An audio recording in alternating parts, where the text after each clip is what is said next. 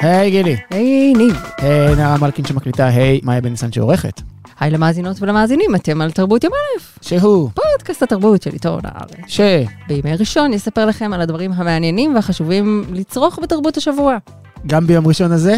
גם ביום ראשון הזה, אבל אתה יודע מתי לא?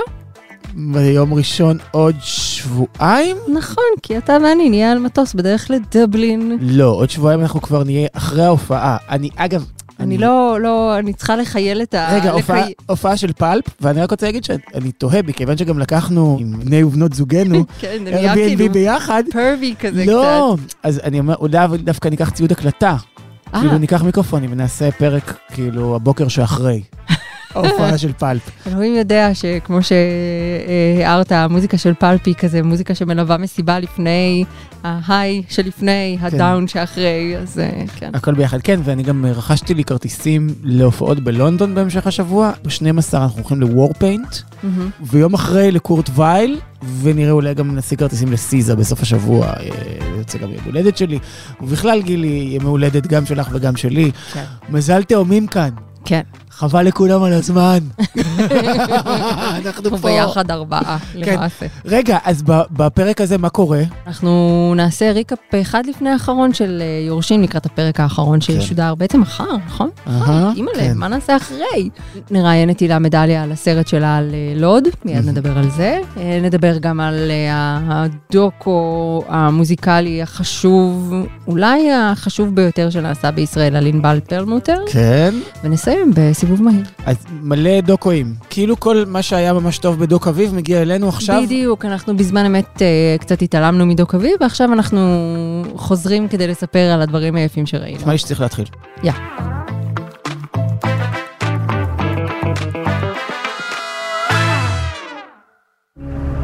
Do you think, you know, for business, for everything, can we maybe get Jared to turn the volume down a little? It's Discord, man.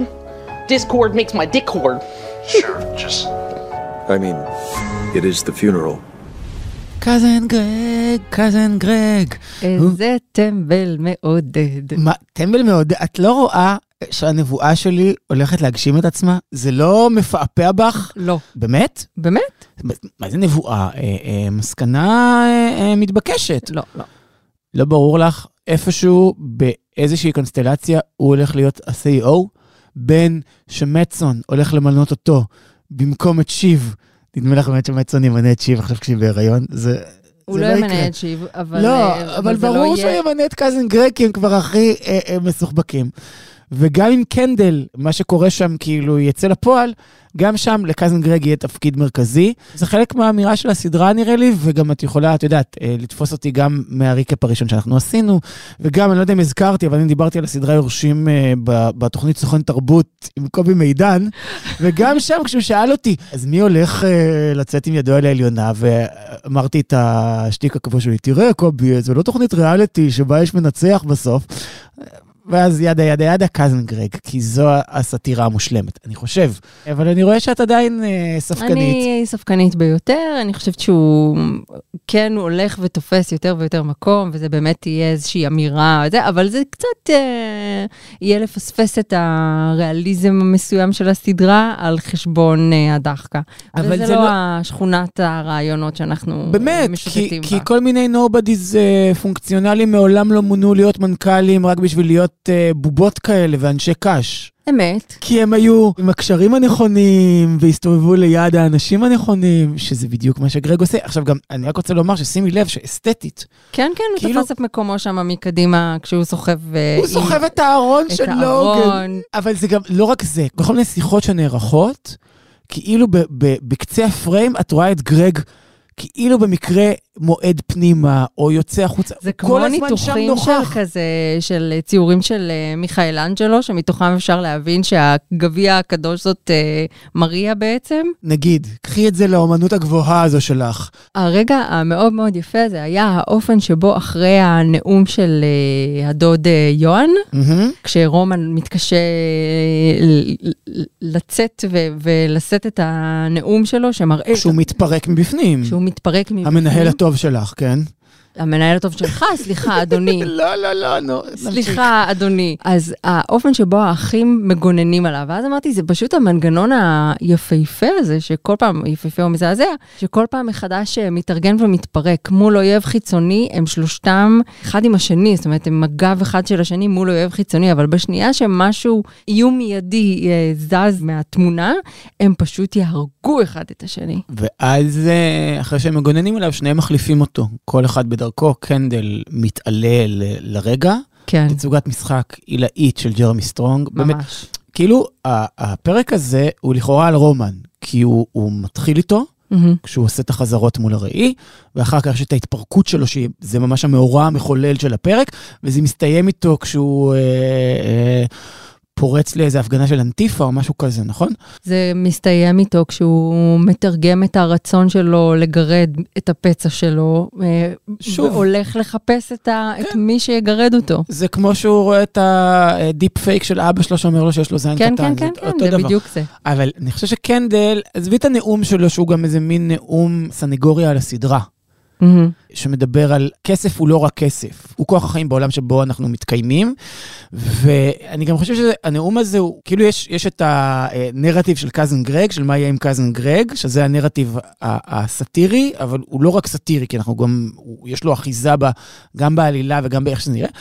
ויש את העניין הזה שגם שמעתי את זה בפודקאסטים בחו"ל, אבל גם חשבתי את זה בעצמי, ממש. ש, של קנדל הופך לאבא שלו. כן. זאת אומרת, אנחנו מחכים לאיזה טוויסט נורא גדול, או מוות נורא גדול, אבל בעצם יש פה תהליך שהתחיל ב, ב, ממש בפרק הראשון של הסדרה, והסתיים בפרק האחרון, ויש מי שאומר שזה הסנדק 2. הפרק הזה הוא ממש, הפרק הזה היה הסנדק 2, מהרגע ש, שהוא עולה לנאום, זאת אומרת, אם בסנדק 1 אז ב, ב, בדמות של מייקל קורליאונה, אחרי שוויטו מת, ויטו הוא לוגן, אה, מייקל אה, הוא קנדל.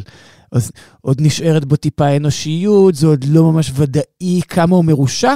בסוף של הסנדק 2, מייקל כבר הורג את האחים שלו, הוא כבר, זה מסתיים בשוט שהוא לבד, מבודד, בחדר הזה שלו שם באחוזה בקובה, וזה מה שבעצם קורה לקנדל, הוא כבר אוסף את האנשים שלו, הוא מבין שכדי להיות אבא שלו, הוא צריך להיות אבא שלו. זאת אומרת, זה, שזה מה, שזה, זה מה. שלו, זה מה שהוא הוא- הוא דרוש ממנו אה, אה, כדי להיות אבא שלו, והוא, והוא הופך לזה, ולשם הולכת הסדרה. אולי, אולי.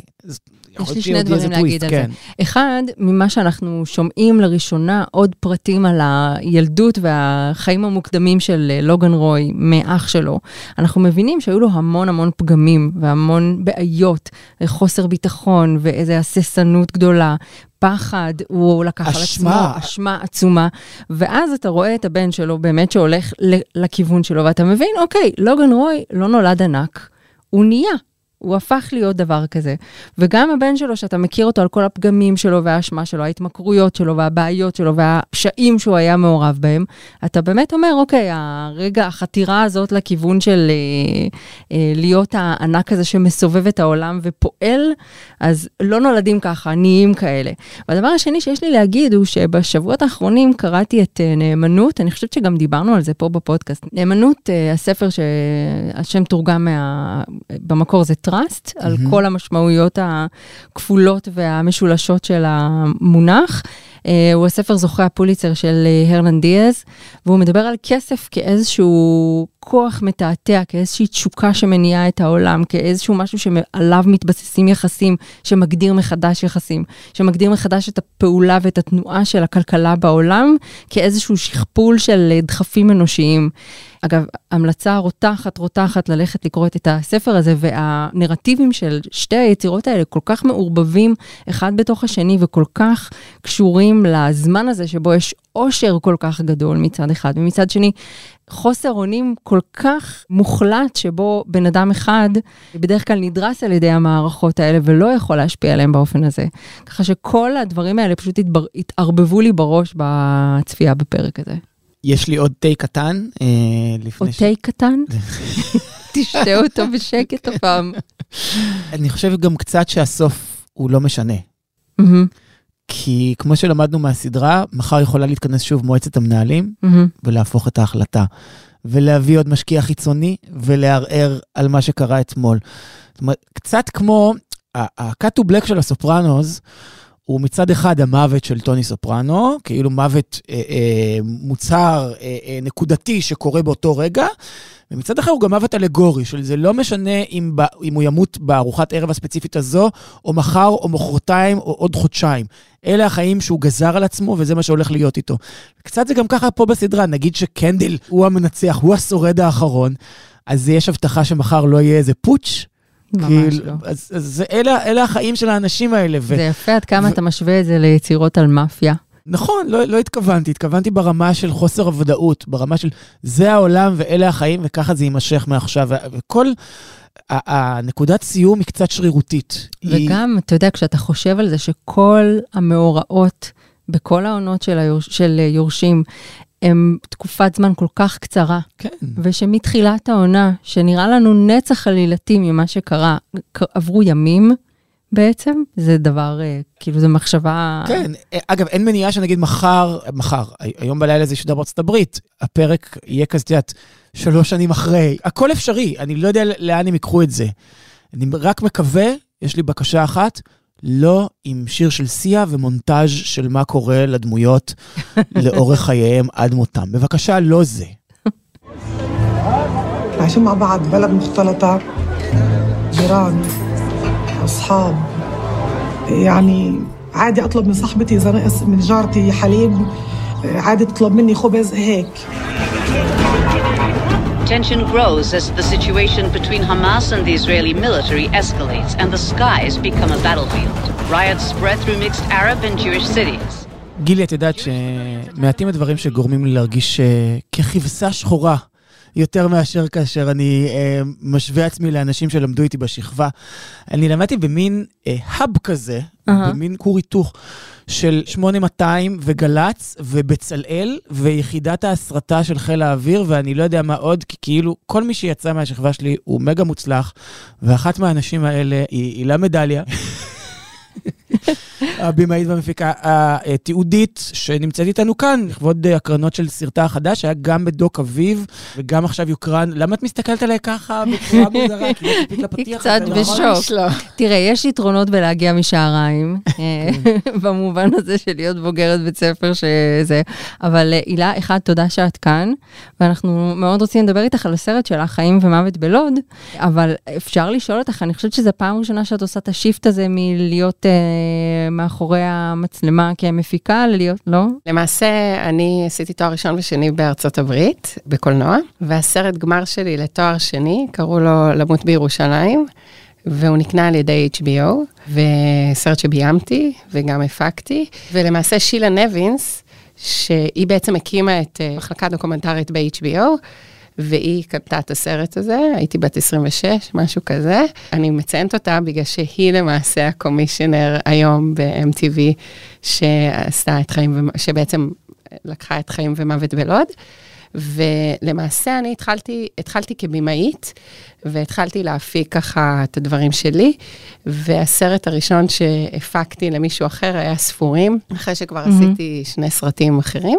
ספורים על האנשים שמקעקעים את המספר של אה, בני המשפחה שלהם, נכון, אה, סרט שהיה ב-yes דוקו, עדיין ב-yes דוקו. של סיני נכון. ואריאל אה, אוריאל סיני ודנה דורון, כן. נכון. לאורך השנים גם ביימתי סרטים, רוקדים ביפו, עשיתי שני סרטים בסין יחד עם שושלם, שביימנו ביחד, איחודים ברשת ופגות תוקף. ולאורך השנים גם ביימתי וגם הפקתי, אבל כמובן יש לי צוות מדהים ואנחנו מפיקים יותר דברים של אנשים אחרים ממה שאני יכולה לביים. בואי נדבר על הסרט הזה. אחד, אני חייבת להגיד שאני כזה די בכיתי לרוב אורכו, אה, והוא בעצם מספר על אה, המהומות שפרצו בלוד לפני משהו כמו שנתיים, בזמן שומר חומות, הביאו למותם של שני אנשים, אחד ערבי ואחד יהודי, וכל מה שקשור וקרה סביב הפרשה הזאת. אז תספרי קצת על המקור המשיכה שלך אה, לסיפור הזה. הסרט הזה התחיל ממש אה, במקרה, אה, אני הייתי באיזשהו דיאלוג באמת עם MTV על לנסות למצוא משהו ובכלל לא חלמתי שהם יתעניינו בסיפור כזה, אבל בדיוק הייתה פה מלחמה והתחלתי לשלוח כל מיני סיפורים שמצאתי באנגלית אה, על מה שקורה כאן בשביל הדיון שלנו, ואחד מהם באמת היה הסיפור הזה. והסרט בעצם התחיל מ... באמת המוות של יגאל יהושע, וזה שהמשפחה תרמה את האיברים אה, של יגאל, שנרצח על ידי ערבים, ובעצם הכליה שלה הושתלה. אצל פלסטינית ממזרח ירושלים. ובעצם ככה יצאנו לדרך, אבל מהר מאוד בעצם הגעתי למסקנה. כדי לספר את הסיפור הזה, חייבים לספר את הסיפור השלם, ובעצם להתחיל באמת ברצח של אה, מוסא חסונה, שנרצח על ידי יהודים, ובעצם לספר את כל הסיפור של מה שקרה, כמה שאפשר באמת בתוך סרט אחד, ובעצם ככה הסיפור התגלגל. הסרט הוא בעצם כאילו על מעגל הדמים, אבל בעצם איך בקצהו של מעגל הדמים גם אפשר למצוא תקווה ו- ואולי אה, אה, חיים, או שהמעגל דמים מוביל לזה שלמישהו אחר יש חיים. יש בזה משהו מצד אחד כאילו מעודד, אבל מצד שני כשמסתכלים על המקרו זה עדיין נורא נורא מדכא. זה מדכא נורא בגלל שהתהליך חזק מהאנשים. האינרציה חזקה מהאנשים. לגמרי. אני חושבת שמה שמדהים בסיפור הזה זה שבאמת זה לא שחור לבן, כאילו החיים שלנו כאן זה תמיד לא שחור ולבן, וזה תמיד יש כל מיני גוונים של אפור באמצע ו- וכל מיני התפתחויות, ובסיפור הזה יש מצד אחד באמת את הכאב ואת הצער ואת הכעס ואת התקווה וכל כך הרבה אמוציות, ו- וגם כמובן, אומנם באמת הגברים הם אלה ששילמו את חייהם, אבל יש פה נשים חזקות שבעצם נשארו לאחות את כל הקרעים ולנסות ליצור איזשהו עתיד יותר טוב להם, ועוד יותר חשוב לילדים שלהם ובעצם לחברה מסביב. כן, הנשים שם הן אה, ממש הגיבורות של הסיפור, הן מחלקות, למרות שיש שם עדיין גברים שמדברים ביניהם וגם הקול שלהם הוא חשוב ויפה, אבל הנשים שם הם ממש הבסיס הסיפורי של הסרט שלך. מה ל-MTV ולסיפור הזה? כאילו, למה, למה יש להם עניין? שאלה יפה. אני חייבת להגיד שכש... שלחתי את הכתבה הזאת לשילה, לא חלמתי שהיא תגיד לי, let's do it. אבל אני חושבת שהמחלקה הדוקומנטרית היום של MTV מחפשת uh, סיפורים uh, חזקים, סיפורים דוקומנטריים, והיא פשוט נדלקה, לסיפ... באמת, באמת ראתה את הפוטנציאל של הסיפור הזה. אני חייבת להגיד שהתחלנו את זה כסרט קצר. זה אמור להיות באמת 40 דקות, וברגע שהכנסנו את הסיפור של מוסא, ובאמת הרחבנו את היריעה, זה היה ברור לכולם שזה צריך להיות uh, סרט ארוך. מה ראית או קראת לפני אה, בשביל תחקיר? נגיד, אי אפשר שלא לחשוב בהקשר הזה על הסדרה של אה, אורי רוזנבקס, נכון? לוט בן ייאוש לתקווה. כן. או נגיד, אה, אה, לחילופין, כל מיני אה, יצירות על בולטימור, על דיטרויט, על, על ערים שהן מתפרקות, וכל המערכות שם מפסיקות לתמוך בתושבים, וכל מה שנשאר זה התושבים והיחסים אה, בין אחד לשני, בין שהם אה, טובים או מעורערים. אז קודם כל, כמובן שראיתי את הסדרה של אורי רוזנבקס אה, על לוד וכל מיני דברים, וקראתי, אבל אני חייבת לציין שהסרט הזה, יצאתי לדרך מיד. זאת אומרת, בערך שבוע אחרי שקרה מה שקרה, קראתי את הכתבה בעיתון, שלחתי אותה ל-MTV למחרת, זה ממש היה תוך 24 שעות, אפילו לא יצאנו לדרך. סוג של סגרתי איתם לפני שבכלל דיברתי עם הדמויות, שזה עוד לא קרה לי, וגם היה מאוד מלחיץ, כי אם כולם יגידו לי לא, אז אני מבטיחה הבטחות שווא, אז כמובן לא הבטחתי, אמרתי להם שהכל מותנה, אבל יצאנו לדרך בלי שבכלל דיברתי עם אף אחד. התחלנו מאוד מאוד ברגישות ובעדינות. קודם כל פנינו למי שראינו שדיבר בתקשורת, שבמקרה של יגאל יהושע זה היה אח שלו, אפי. במקרה של מוסא חסונה זה היה אבא שלו, מאלק, ורנדה פנינו לבנות שלה. בעצם ממש התחלנו לצלם מיד. ולמעשה היום צילום הראשון שלמשל צילמנו את רנדה, זה היה בשלושים, כי אחד הדברים שהבנות כל הזמן אמרו, היא לא מרגישה טוב, אז עוד קצת ועוד קצת ואולי, וצילמנו בשלושים של יגאל, ואפי קיבל פתאום טלפון מהבנות של רנדה ומירנדה, שהן רוצות לבוא לשלושים. אז מיד התקשרתי לחנה אבו סעדה, צלם פלסטיני, הוא היה ברמאללה, אמרתי לו, תרוץ מהר לירושלים, אני חייבת עכשיו, והוא פשוט התלווה אליהם. ובעצם ככה, זה היה היום צילום הראשון איתם, וגם עם משפחת יהושע. זאת אומרת, ממש התחלנו מיד, ותוך כדי העשייה באמת צפיתי בכל מיני דברים, למדתי, נפגשתי עם כל מיני אנשים ופעילים בעיר, קראתי דוחות, התחלתי ללמוד על המקום של הגרעין התורני וכל מיני דברים אחרים. כמובן שבתוך סרט היה לי קשה להיכנס לעומקים שהייתי רוצה, אבל אני חושבת שכשאנחנו יוצרים סרט על מקום, חשוב שנבין ונדע את הדברים מאוד מאוד לעומק.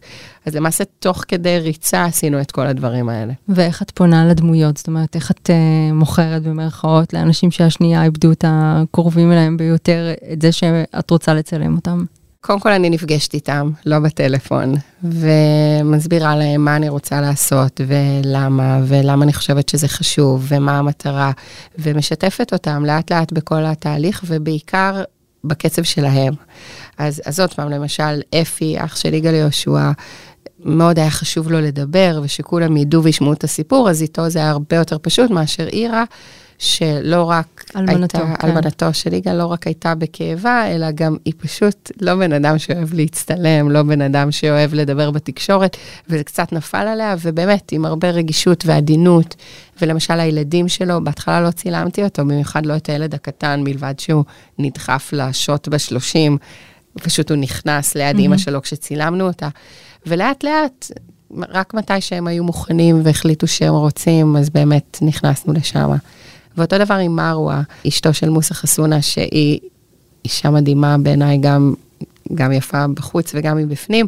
היא מסמלת בעיניי איזה משהו מאוד מאוד חזק, היא מצד אחד כמובן מאוד כועסת אה, על זה שבאמת הרוצחים של מוסא מעולם לא נעצרו ולא נשפטו, ומצד שני, היא מאוד מאוד חושבת באמת על העתיד ואיך היא גורמת לילדים שלה חיים נורמטיביים בתוך, אני מצטטת אותה, בסריטה mm-hmm. שלהם, ואיך לגרום להם לא לשנוא. אז באמת גם איתה זה היה מאוד איטי ומאוד, עד שהיא חשפה את עצמה כמובן, ואת הילדים, מאוד בעדינות ובקצב שלהם, וזה אולי היתרון גם בסוג הסרטים שאני עושה, שהם לוקחים זמן ויש לי את הזמן ואת הסבלנות. איפה את נמצאת בספקטרום האמביוולנטיות שהסרט מציג? זאת אומרת, את יותר עם, אה, אה, יש בך אה, איזושהי תקווה, יש בך אופטימיות, שאת רואה רגעים רנדומליים של אנושיות, או שבאמת כשמסתכלים על הדברים טיפה בפרספקטיבה, אז, אז אין סיכוי. כן, שזה כאילו מהלך משלו. את התקווה אני מקבלת מהאנשים, ממרווה, מאירה, הם, הם בשבילי התקווה, אבל יש הרבה מאוד חוסר תקווה, ו, ואולי הכעס האישי שלי הוא על זה שאני מרגישה שלא למדנו מהדבר הזה ולא עשינו שום דבר כדי באמת לאחות את הקרע הגדול הזה, שגם רק ימשיך ויגדל לאורך השנים. ותחשבו על הילדים שהיום גדלים בלוד, הילדים הערבים, שיודעים שאין צדק למוסא. זה, זה משהו שהוא כל כך כואב, ש... ו... ואף אחד לא עושה שום דבר. זה לא מספיק חשוב למערכת אכיפת החוק בישראל לתפוס את הרוצחים שלו. פשוט לא מספיק חשוב זה להם. זה פשוט, אבל באמת, אה, יש שם רגעים שאתה תופס את הראש מתסכול, וגם הכתוביות אפילו שמסיימות את הסרט, ופשוט uh, מציבות את המציאות הזו בצורה הכי קרה ובוטה. יש צילומים של האנשים, הבן אדם הזה שכמו איזה קאובוי אה, מנופף בנשק שלו ומחזיק דגל, ו... איך זה יכול להיות שלא הובא שם, שלא נעשו צעדים מספיקים לצדק? מה, את, אתן לא זוכרות את ה... את בטח זוכרת, כי עשית על זה עכשיו סרט, אבל את לא זוכרת את הקריאות ברשתות החברתיות, כולל מצד אה, אה, כל מיני עיתונאים למיניהם. איך עדיין לא כל אה, היהודים נמצאים בלוד כדי להגן על המדינה ולהגן על האדמה הזו ולתת אה, אה, קונטרה? אז הנה, אה, אה, הגיעו וזה מה שקרה. כן. תראו, מה שמדהים זה שהיום הכל מצולם. זאת אומרת, כולם עם, עם סמארטפונים שמצלמים, יש מצלמות אבטחה בכל מקום בלוד ספציפית, אבל בהרבה מקומות, זאת אומרת, בכל הערים בארץ, וגם העירייה מצלמת. דרך אגב, החומרים היחידים שלא הצלחתי להשיג זה חומרים מהעירייה. הכל מצולם, אז uh, אני מאמינה שאם אני הצלחתי להגיע להרבה חומרים, כמובן למשטרה ולרשויות יש את החומרים האלה, וזה באמת uh, מישהו שלא רוצה לעשות, לעשות את זה, ורואים את זה בכל מיני דברים, זאת אומרת, גם כמובן היום בכל הרציחות בחברה הערבית שלא מפוענחות, זה בכל מיני אספקטים של החברה, וכמובן שעל אחת כמה וכמה בעיר כמו לוד, חייבים איכשהו לעשות איזשהו שינוי ולאחות את הדבר הזה, את הפער הגדול הזה, כי זה רק יוביל למקום שהוא גרוע, ודרך אגב, אני באופן אישי גם מאמינה שהאלימות לא נשארת רק בתוך החברה הערבית, והיא מהר מאוד תתפשט אלינו, גם, זאת אומרת, על החברה היהודית. ברור, כמו שהכיבוש לא נשאר רק uh, מעבר לתחומי הקו הירוק, הדברים האלה הם... לא רוצה להגיד זולגים, פשוט זורמים לפה. יש את התיק 512, סדרה שאני מאוד מאוד אוהבת, ואני זוכרת, באמת חרוט לי בראש את... שעל הברג'ילים. נכון, על הברג'יל. חררות לי בראש שהעורך דין אומר שכל הזמן חשבנו שהם הורגים אחד את השני, יופי, יהיה לנו פחות פושעים במדינה, ואז יום אחד, אישה שישבה בים בבת ים נרצחה, mm-hmm. וזה, הדברים לא נשארים רק בתוך המקומות האלה. האם חשבת, אמא, כשנולדתי, אם העולם יהיה טוב אליי?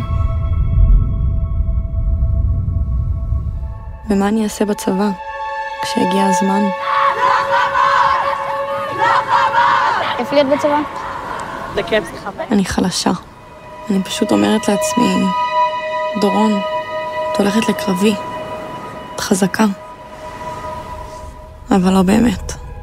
אני רוצה לדבר איתך בכלל על המשיכה שלך לאזורים האלה מבחינת uh, הנרטיבים שהם uh, מספרים, על פרויקטים קודמים שעשית שגם קשורים לזה, על ימי תום שהפקת וישודר, אני חושבת, השבוע או ששודר בשבוע שודר שעבר? שודר שבוע בערוץ 8, שבוע שעבר שודר. על המקומות האלה שמושכים אותך, זאת אומרת, אולי המעגלים הרחבים של הסכסוך, שזה מקומות שמדברים אלייך מבחינה נושאית. אלו דברים שאיכשהו מתגלגלים אלייך או שאת מחפשת? אני חושבת שזה שאני חיה כאן, שגדלתי כאן, שהילדים שלי גדלים כאן, אז יש לי צורך מאוד מאוד גדול להתעסק בנושאים שאני חושבת שהם סופר חשובים, ושלפעמים אנחנו לא רוצים לדבר עליהם, וככה באמת עשיתי ואני עושה ואני אמשיך לעשות כל מיני פרויקטים, גם בנושאים כמובן מאוד פוליטיים, אם זה יומני אוסלו ושיח לוחמים, שעשיתי בעבר, אם זה H2, מעבדת על שליטה על חברון, ואם mm-hmm. זה באמת ימי תום. וחיים ומוות בלוד ועוד. עוד פעם, זה, אני חושבת שעשיתי את הסרט הראשון שלי, הבנתי את הכוח שיש לסרט, שהוא מגיע לכל כך הרבה אנשים, ויש לו חיים, ויש לי חלק מהסרטים שלי, שעשיתי לפני 20 שנה, עדיין מוקרנים ומשודרים, ואנשים רואים אותם, ובאמת יש לסרט איזשהו כוח לתת אינפורמציה, להגיע לאנשים, ואני חושבת שההתעסקות שלי ברובה היא באמת בנושאים שאני חושבת שחברתית, ערכית, פוליטית, חשוב שאנשים ידעו ויראו, ובאופן טבעי, זה שאני חיה כאן, אז הפוליטיקה היא חלק שהוא כל כך חשוב, ו- ועוד פעם, אני מרגישה שהמהפכה ומה שקורה היום, אולי קצת יותר העלה לשיח את כל הדברים הפוליטיים, אבל תמיד זה לא מספיק, ותמיד יש כל כך הרבה שאנחנו צריכים לדעת וללמוד. כרגע אין גוף ישראלי שישדר את הסרט. אני חייבת להגיד, אחד, אולי זה רק פרוצדורלי, אבל זה נורא נורא מדכא לדעת. ושתיים, האם תהיה דרך כלשהי לקהל רחב לראות את זה שלא בהקרנות אונליין של דוק אביב, שעוד נמשכות? קודם כל, תיאורטית, פרמן פלאס אמורים להיכנס לישראל, כמו שדיסני פלאס. אני לא יודעת מתי זה יקרה. קודם כל, אנחנו באמת... שווה, יש שם גם סאוף פארק. למשל. יש שם הרבה דברים טובים. כן, כן. ויש שם גם מחלקה דוקומנטרית מדהימה, שעושה סרטים מדהימים, שהרבה מהם הם בשורטליסט ומועמדים לאוסקר בשנים האחרונות.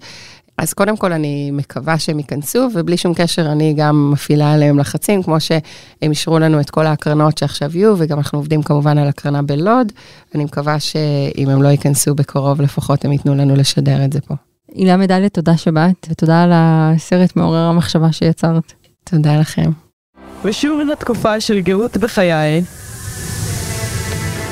מים רבים שוטפים את תחושיי. אני נמשכת והופכת והקהל בהתחלה היה בשוק, הוא לא הבין בכלל מה הוא רואה. ראיתי את ענבל, זה היה כמו לראות פרח, גם חופש מיני וגם חופש טקסטואלי. גילי, האם כרחובותית היית מעריצה של המכשפות, של ענבל פרלמוטר? כאילו, כי היא רחובותית, בגלל זה אני אומר. אתה יודע שהתשובה על זה היא כן, נכון. והאם מכיוון שהיית נערה שחיפשה מודלים להזדהות בעברית, העובדה שהייתה זמרת צעירה שעשתה לו כסח. תראה, המילים פילדנדרום החורש היו חזקות מאוד ב... כן, כאילו, התשובה היא כן, אנחנו כולנו הערצנו אותה. כן, זה חתך דורי כמעט, אני חושב, לא? אני, אחד, אני ממש משוכנע. דורי מגדרי, כי זה נורא להקה של בנות. אני אומרת כן, ואני יכולה להגיד שבמכורתי רחובות לא הייתי לבד באהבה היוקדת הזאת אליה, איפשהו בין נוער מרץ לנוער שלום עכשיו. פעם היו קבוצות גדולות פעם, של... פעם זה היה הטרנד. כן, אז אתה יודע, כן, היה מאוד מאוד חי שם, וחלק חשוב מנעוריי. אז תראי, אני לא הייתי מעריץ של, של המכשפות ולא של נבל פרלמוטר. לא היית בת. אני רוצה להגיד, לא הייתי בת, אבל אולי הייתי, נגיד, בשנה וחצי, שנתיים מבוגר מדי, כאילו כבר הכרתי פי.ג'יי הרווי, כבר הכרתי Hole ו Babes in Toyland, וזה קצת נשמע לי ליד, אבל... כן. אני רוצה לומר שאחרי שצפיתי ב"אם זה נגמר", אה, סרטן של... שרון לוזון ואביגיל שפרבר. שזכה גם בפרס הגדול. בפרס ב... הגדול, בתחרות הרשמית של דוק אביב לפני שבוע. הוא גרם לי לאהוב את ענבל ויצירתה יותר משאהבתי אי פעם. באמת, כאילו גם את הפרסונה וגם אותה כמוזיקאית, פתאום משהו התכנס. נורא נגיד אהבתי את סיגריות לייט, זה שיר שגם mm-hmm. בסרט אה, יש עליו אה, פוקוס אה, מאוד רחב ובצדק, אבל הרגשתי שלא כל הדברים ברמה הזו, ופתאום הכל התכנס, נו מה... תראה, אני יכולה להגיד לך שבעיניים מבוגרות, לראות כן. את זה, אמרתי לעצמי, וואלה, כאילו, היא אחת כותבת מחוננת. היא הייתה הדבר האמיתי. היא הייתה הדבר האמיתי, ומהבחינה הזו זה פשוט טרגדיה שכל כך צעירה בגיל 26, שאפילו לא כן. מועדון ה-27. ממש. בגיל 26 נקטעה הקריירה שיכלה להיות מבטיחה הזאת, וזה באמת אה, איום ונורא. עצוב נורא נורא נורא, וגם כל פרטי הפרטים שהסרט הזה מביא, וכאילו מסמן אותם או נוגע בהם בצורה כל כך עדינה. הביוגרפים כאילו של הילדות שלה, וההורים שלה, והיחסים ביניהם, והיחסים איתה. זה כאילו חתיכת חיים, בגיל 26 היא הספיקה לעשות הרבה מאוד. ולא רק מבחינה אומנותית, גם כאילו באמת שאומללות גדולה הייתה מנת חלקה במשך הרבה שנים. מפתה נורא להשוות הסרט הזה למונטאז' אוף האק, הסרט mm-hmm. על קורט קוביין, גם בגלל השימוש ביומנים ובאיורים, וששניהם כתבו יומנים וששניהם היו מאיירים מחוננים. נכון, כאילו... וגם בכתב היד, שהוא כן. כל כך אה, כזה שיקוף של אה, מה שקורה בנפש שם. וגם בגלל ההתמכרות להרואין והתפקיד של זה אה, במוות. ואני חושב שזו מחמאה מאוד גדולה למי שעשו את הסרט. אה, הסרט הזה מצליח, בעיניי לפחות, אה, אה, אני אגיד ככה, זה הדוקו מוזיקה הכי שלם שראיתי בעברית, mm-hmm. משום שהוא מצליח ללכוד גם את הפרסונה וגם את הכישרון המוזיקלי. ממש רואים את זה, את יודעת, רואים אותה בקליפ של לחיות, של קורין הלל. Mm-hmm. וקורין מדברת בדרכה הלא מאוד נהירה, היא מסבירה מה הייתה הגאונות של ענבל פרלמוטר, ומה הייתה התרומה שלה לאלבום כשזה עמוק, שהם הקליטו ביחד. ואת ממש יכולה להרגיש את זה, זאת אומרת, גם בתוך המילים הטיפה ערטילאיות של קורין אלעל, את מבינה את הגאונות המוזיקלית שלה ואת החשיבות שלה. גם כשיואב קוטנר מדבר, אז את מבינה את החשיבות של ענבל פרלמוטר, גם כאייקון רוק נשי, אבל גם בכלל כגיטריסטית מחוננת, כמוזיקאית מחוננת. אני מסכימה איתך, ואני רוצה להגיד עוד משהו לגבי הסרט הזה, שהוא פותח המון חלונות ולא סוגר אותם. הוא פותח המון שאלות, והוא שותל מחשבות אה, בראש שלך כצופה. אני חושבת שהמעשה הגדול שנעשה שם זה שהעדינות שבה מתייחסים לכל הדברים האלה כסימני ממש. שאלה ולא כסימני קריאה, עוזרת להם לעבור כאיזשהו פרט ביוגרפי שמאיר את היצירה שלה ומאיר את ההרס העצמי, באמת אה, החזק הזה שהיא ניחנה בו. ולא גורם לך לאיזושהי אי נוחות כי מישהו החליט שזה הנרטיב. זאת אומרת, אם אתה חושב שיכול להיות שיש משהו שהיה פגום ביחסים שלה עם קורין הלל, סמוך על הבמאיות של הסרט שזה לא מקרי. כן. ואם אתה חושב שייתכן שהיה משהו לא לחלוטין אה, הורי ביחסים שלה ושל אבא שלה, אז סמוך עליהם שזה לא מקרי. ולכן קראתי כל מיני ביקורות על הסרט וכל מיני דברים שנאמרו, אה, שקצת מבקרים את העמימות הזאת, או לא, אי-העימות הזה. זה, זה הכוח של הסרט. ואני חושבת שזה הכוח הגדול של הסרט. לא, גם, וגם זה שאת מרגישה שזה לא סרט מטעם. כן. אנחנו התרגלנו לכל כך הרבה דוקו-מוזיקה, מה שאנחנו מכנים דוקו-מרשל, שזה פשוט מניפסט יחצני, ופה זה לא ככה. מחד ומאידך, הוא גם לא מוריד איזשהו גרזן שלא מאפשר לאנשים שהיו חלק מהחיים שלה להמשיך לחיות את לא, חיים. נכון, אבל יש, ב, יש ב, בסרט הזה כל כך הרבה כנות שחסרה לי ב, בסרטי דוקו-מוזיקליים שבאים אה, להעליל את האליל. Mm-hmm. נגיד, אפילו הסיפור הזה, גם אסתטית נגיד, שזה לא ראשים מדברים, אלא כל הזמן יש התרחשויות של, של ענבל פרלמוטר ברקע. כל הזמן רואים אה, אה, ארכיון, כי זה כבר ב nineties, אז, אז אה, אה, יש ארכיונים, ושומעים את האנשים מדברים ברקע ורואים אותם באז, לא בעכשיו. זאת אומרת, חשבון הנפש של, של אז ועכשיו, נגיד, במונולוג הזה של טינקרבל, שהוא נורא נוגע ללב, שהיא mm-hmm. מספרת איך היא הביאה לה סמים. כן. והכנות הזו שלה, וזה שרואים את טינקרבל של אז, ואת שומעת את טינקרבל של עכשיו, ויחסי הגומלין ביניהן, בין טינקרבל, אני יודע, חסרת המעצורים של כן, אה, אמצע סוף שנות ה-90, יש המון חמלה במעשה הזה. לבין טינקרבל המפוקחת של עכשיו ושל ההבנה שלה, של החלק שלה בח- בחיים של פרל מוטר. זה ענק בעיניי, זה פשוט מעשה אומנותי ענק. אז אה, רק אה, נסכם ונגיד שהסרט זמין ב-VOD של יס, ושהוא גם בהקרנות בסינמטקים, אני חושבת, לאורך החודש הקרוב. ממש ממליץ, אני לא יודע אם ממש, זה עבר ממש. שאנחנו ממליצים על זה. כן.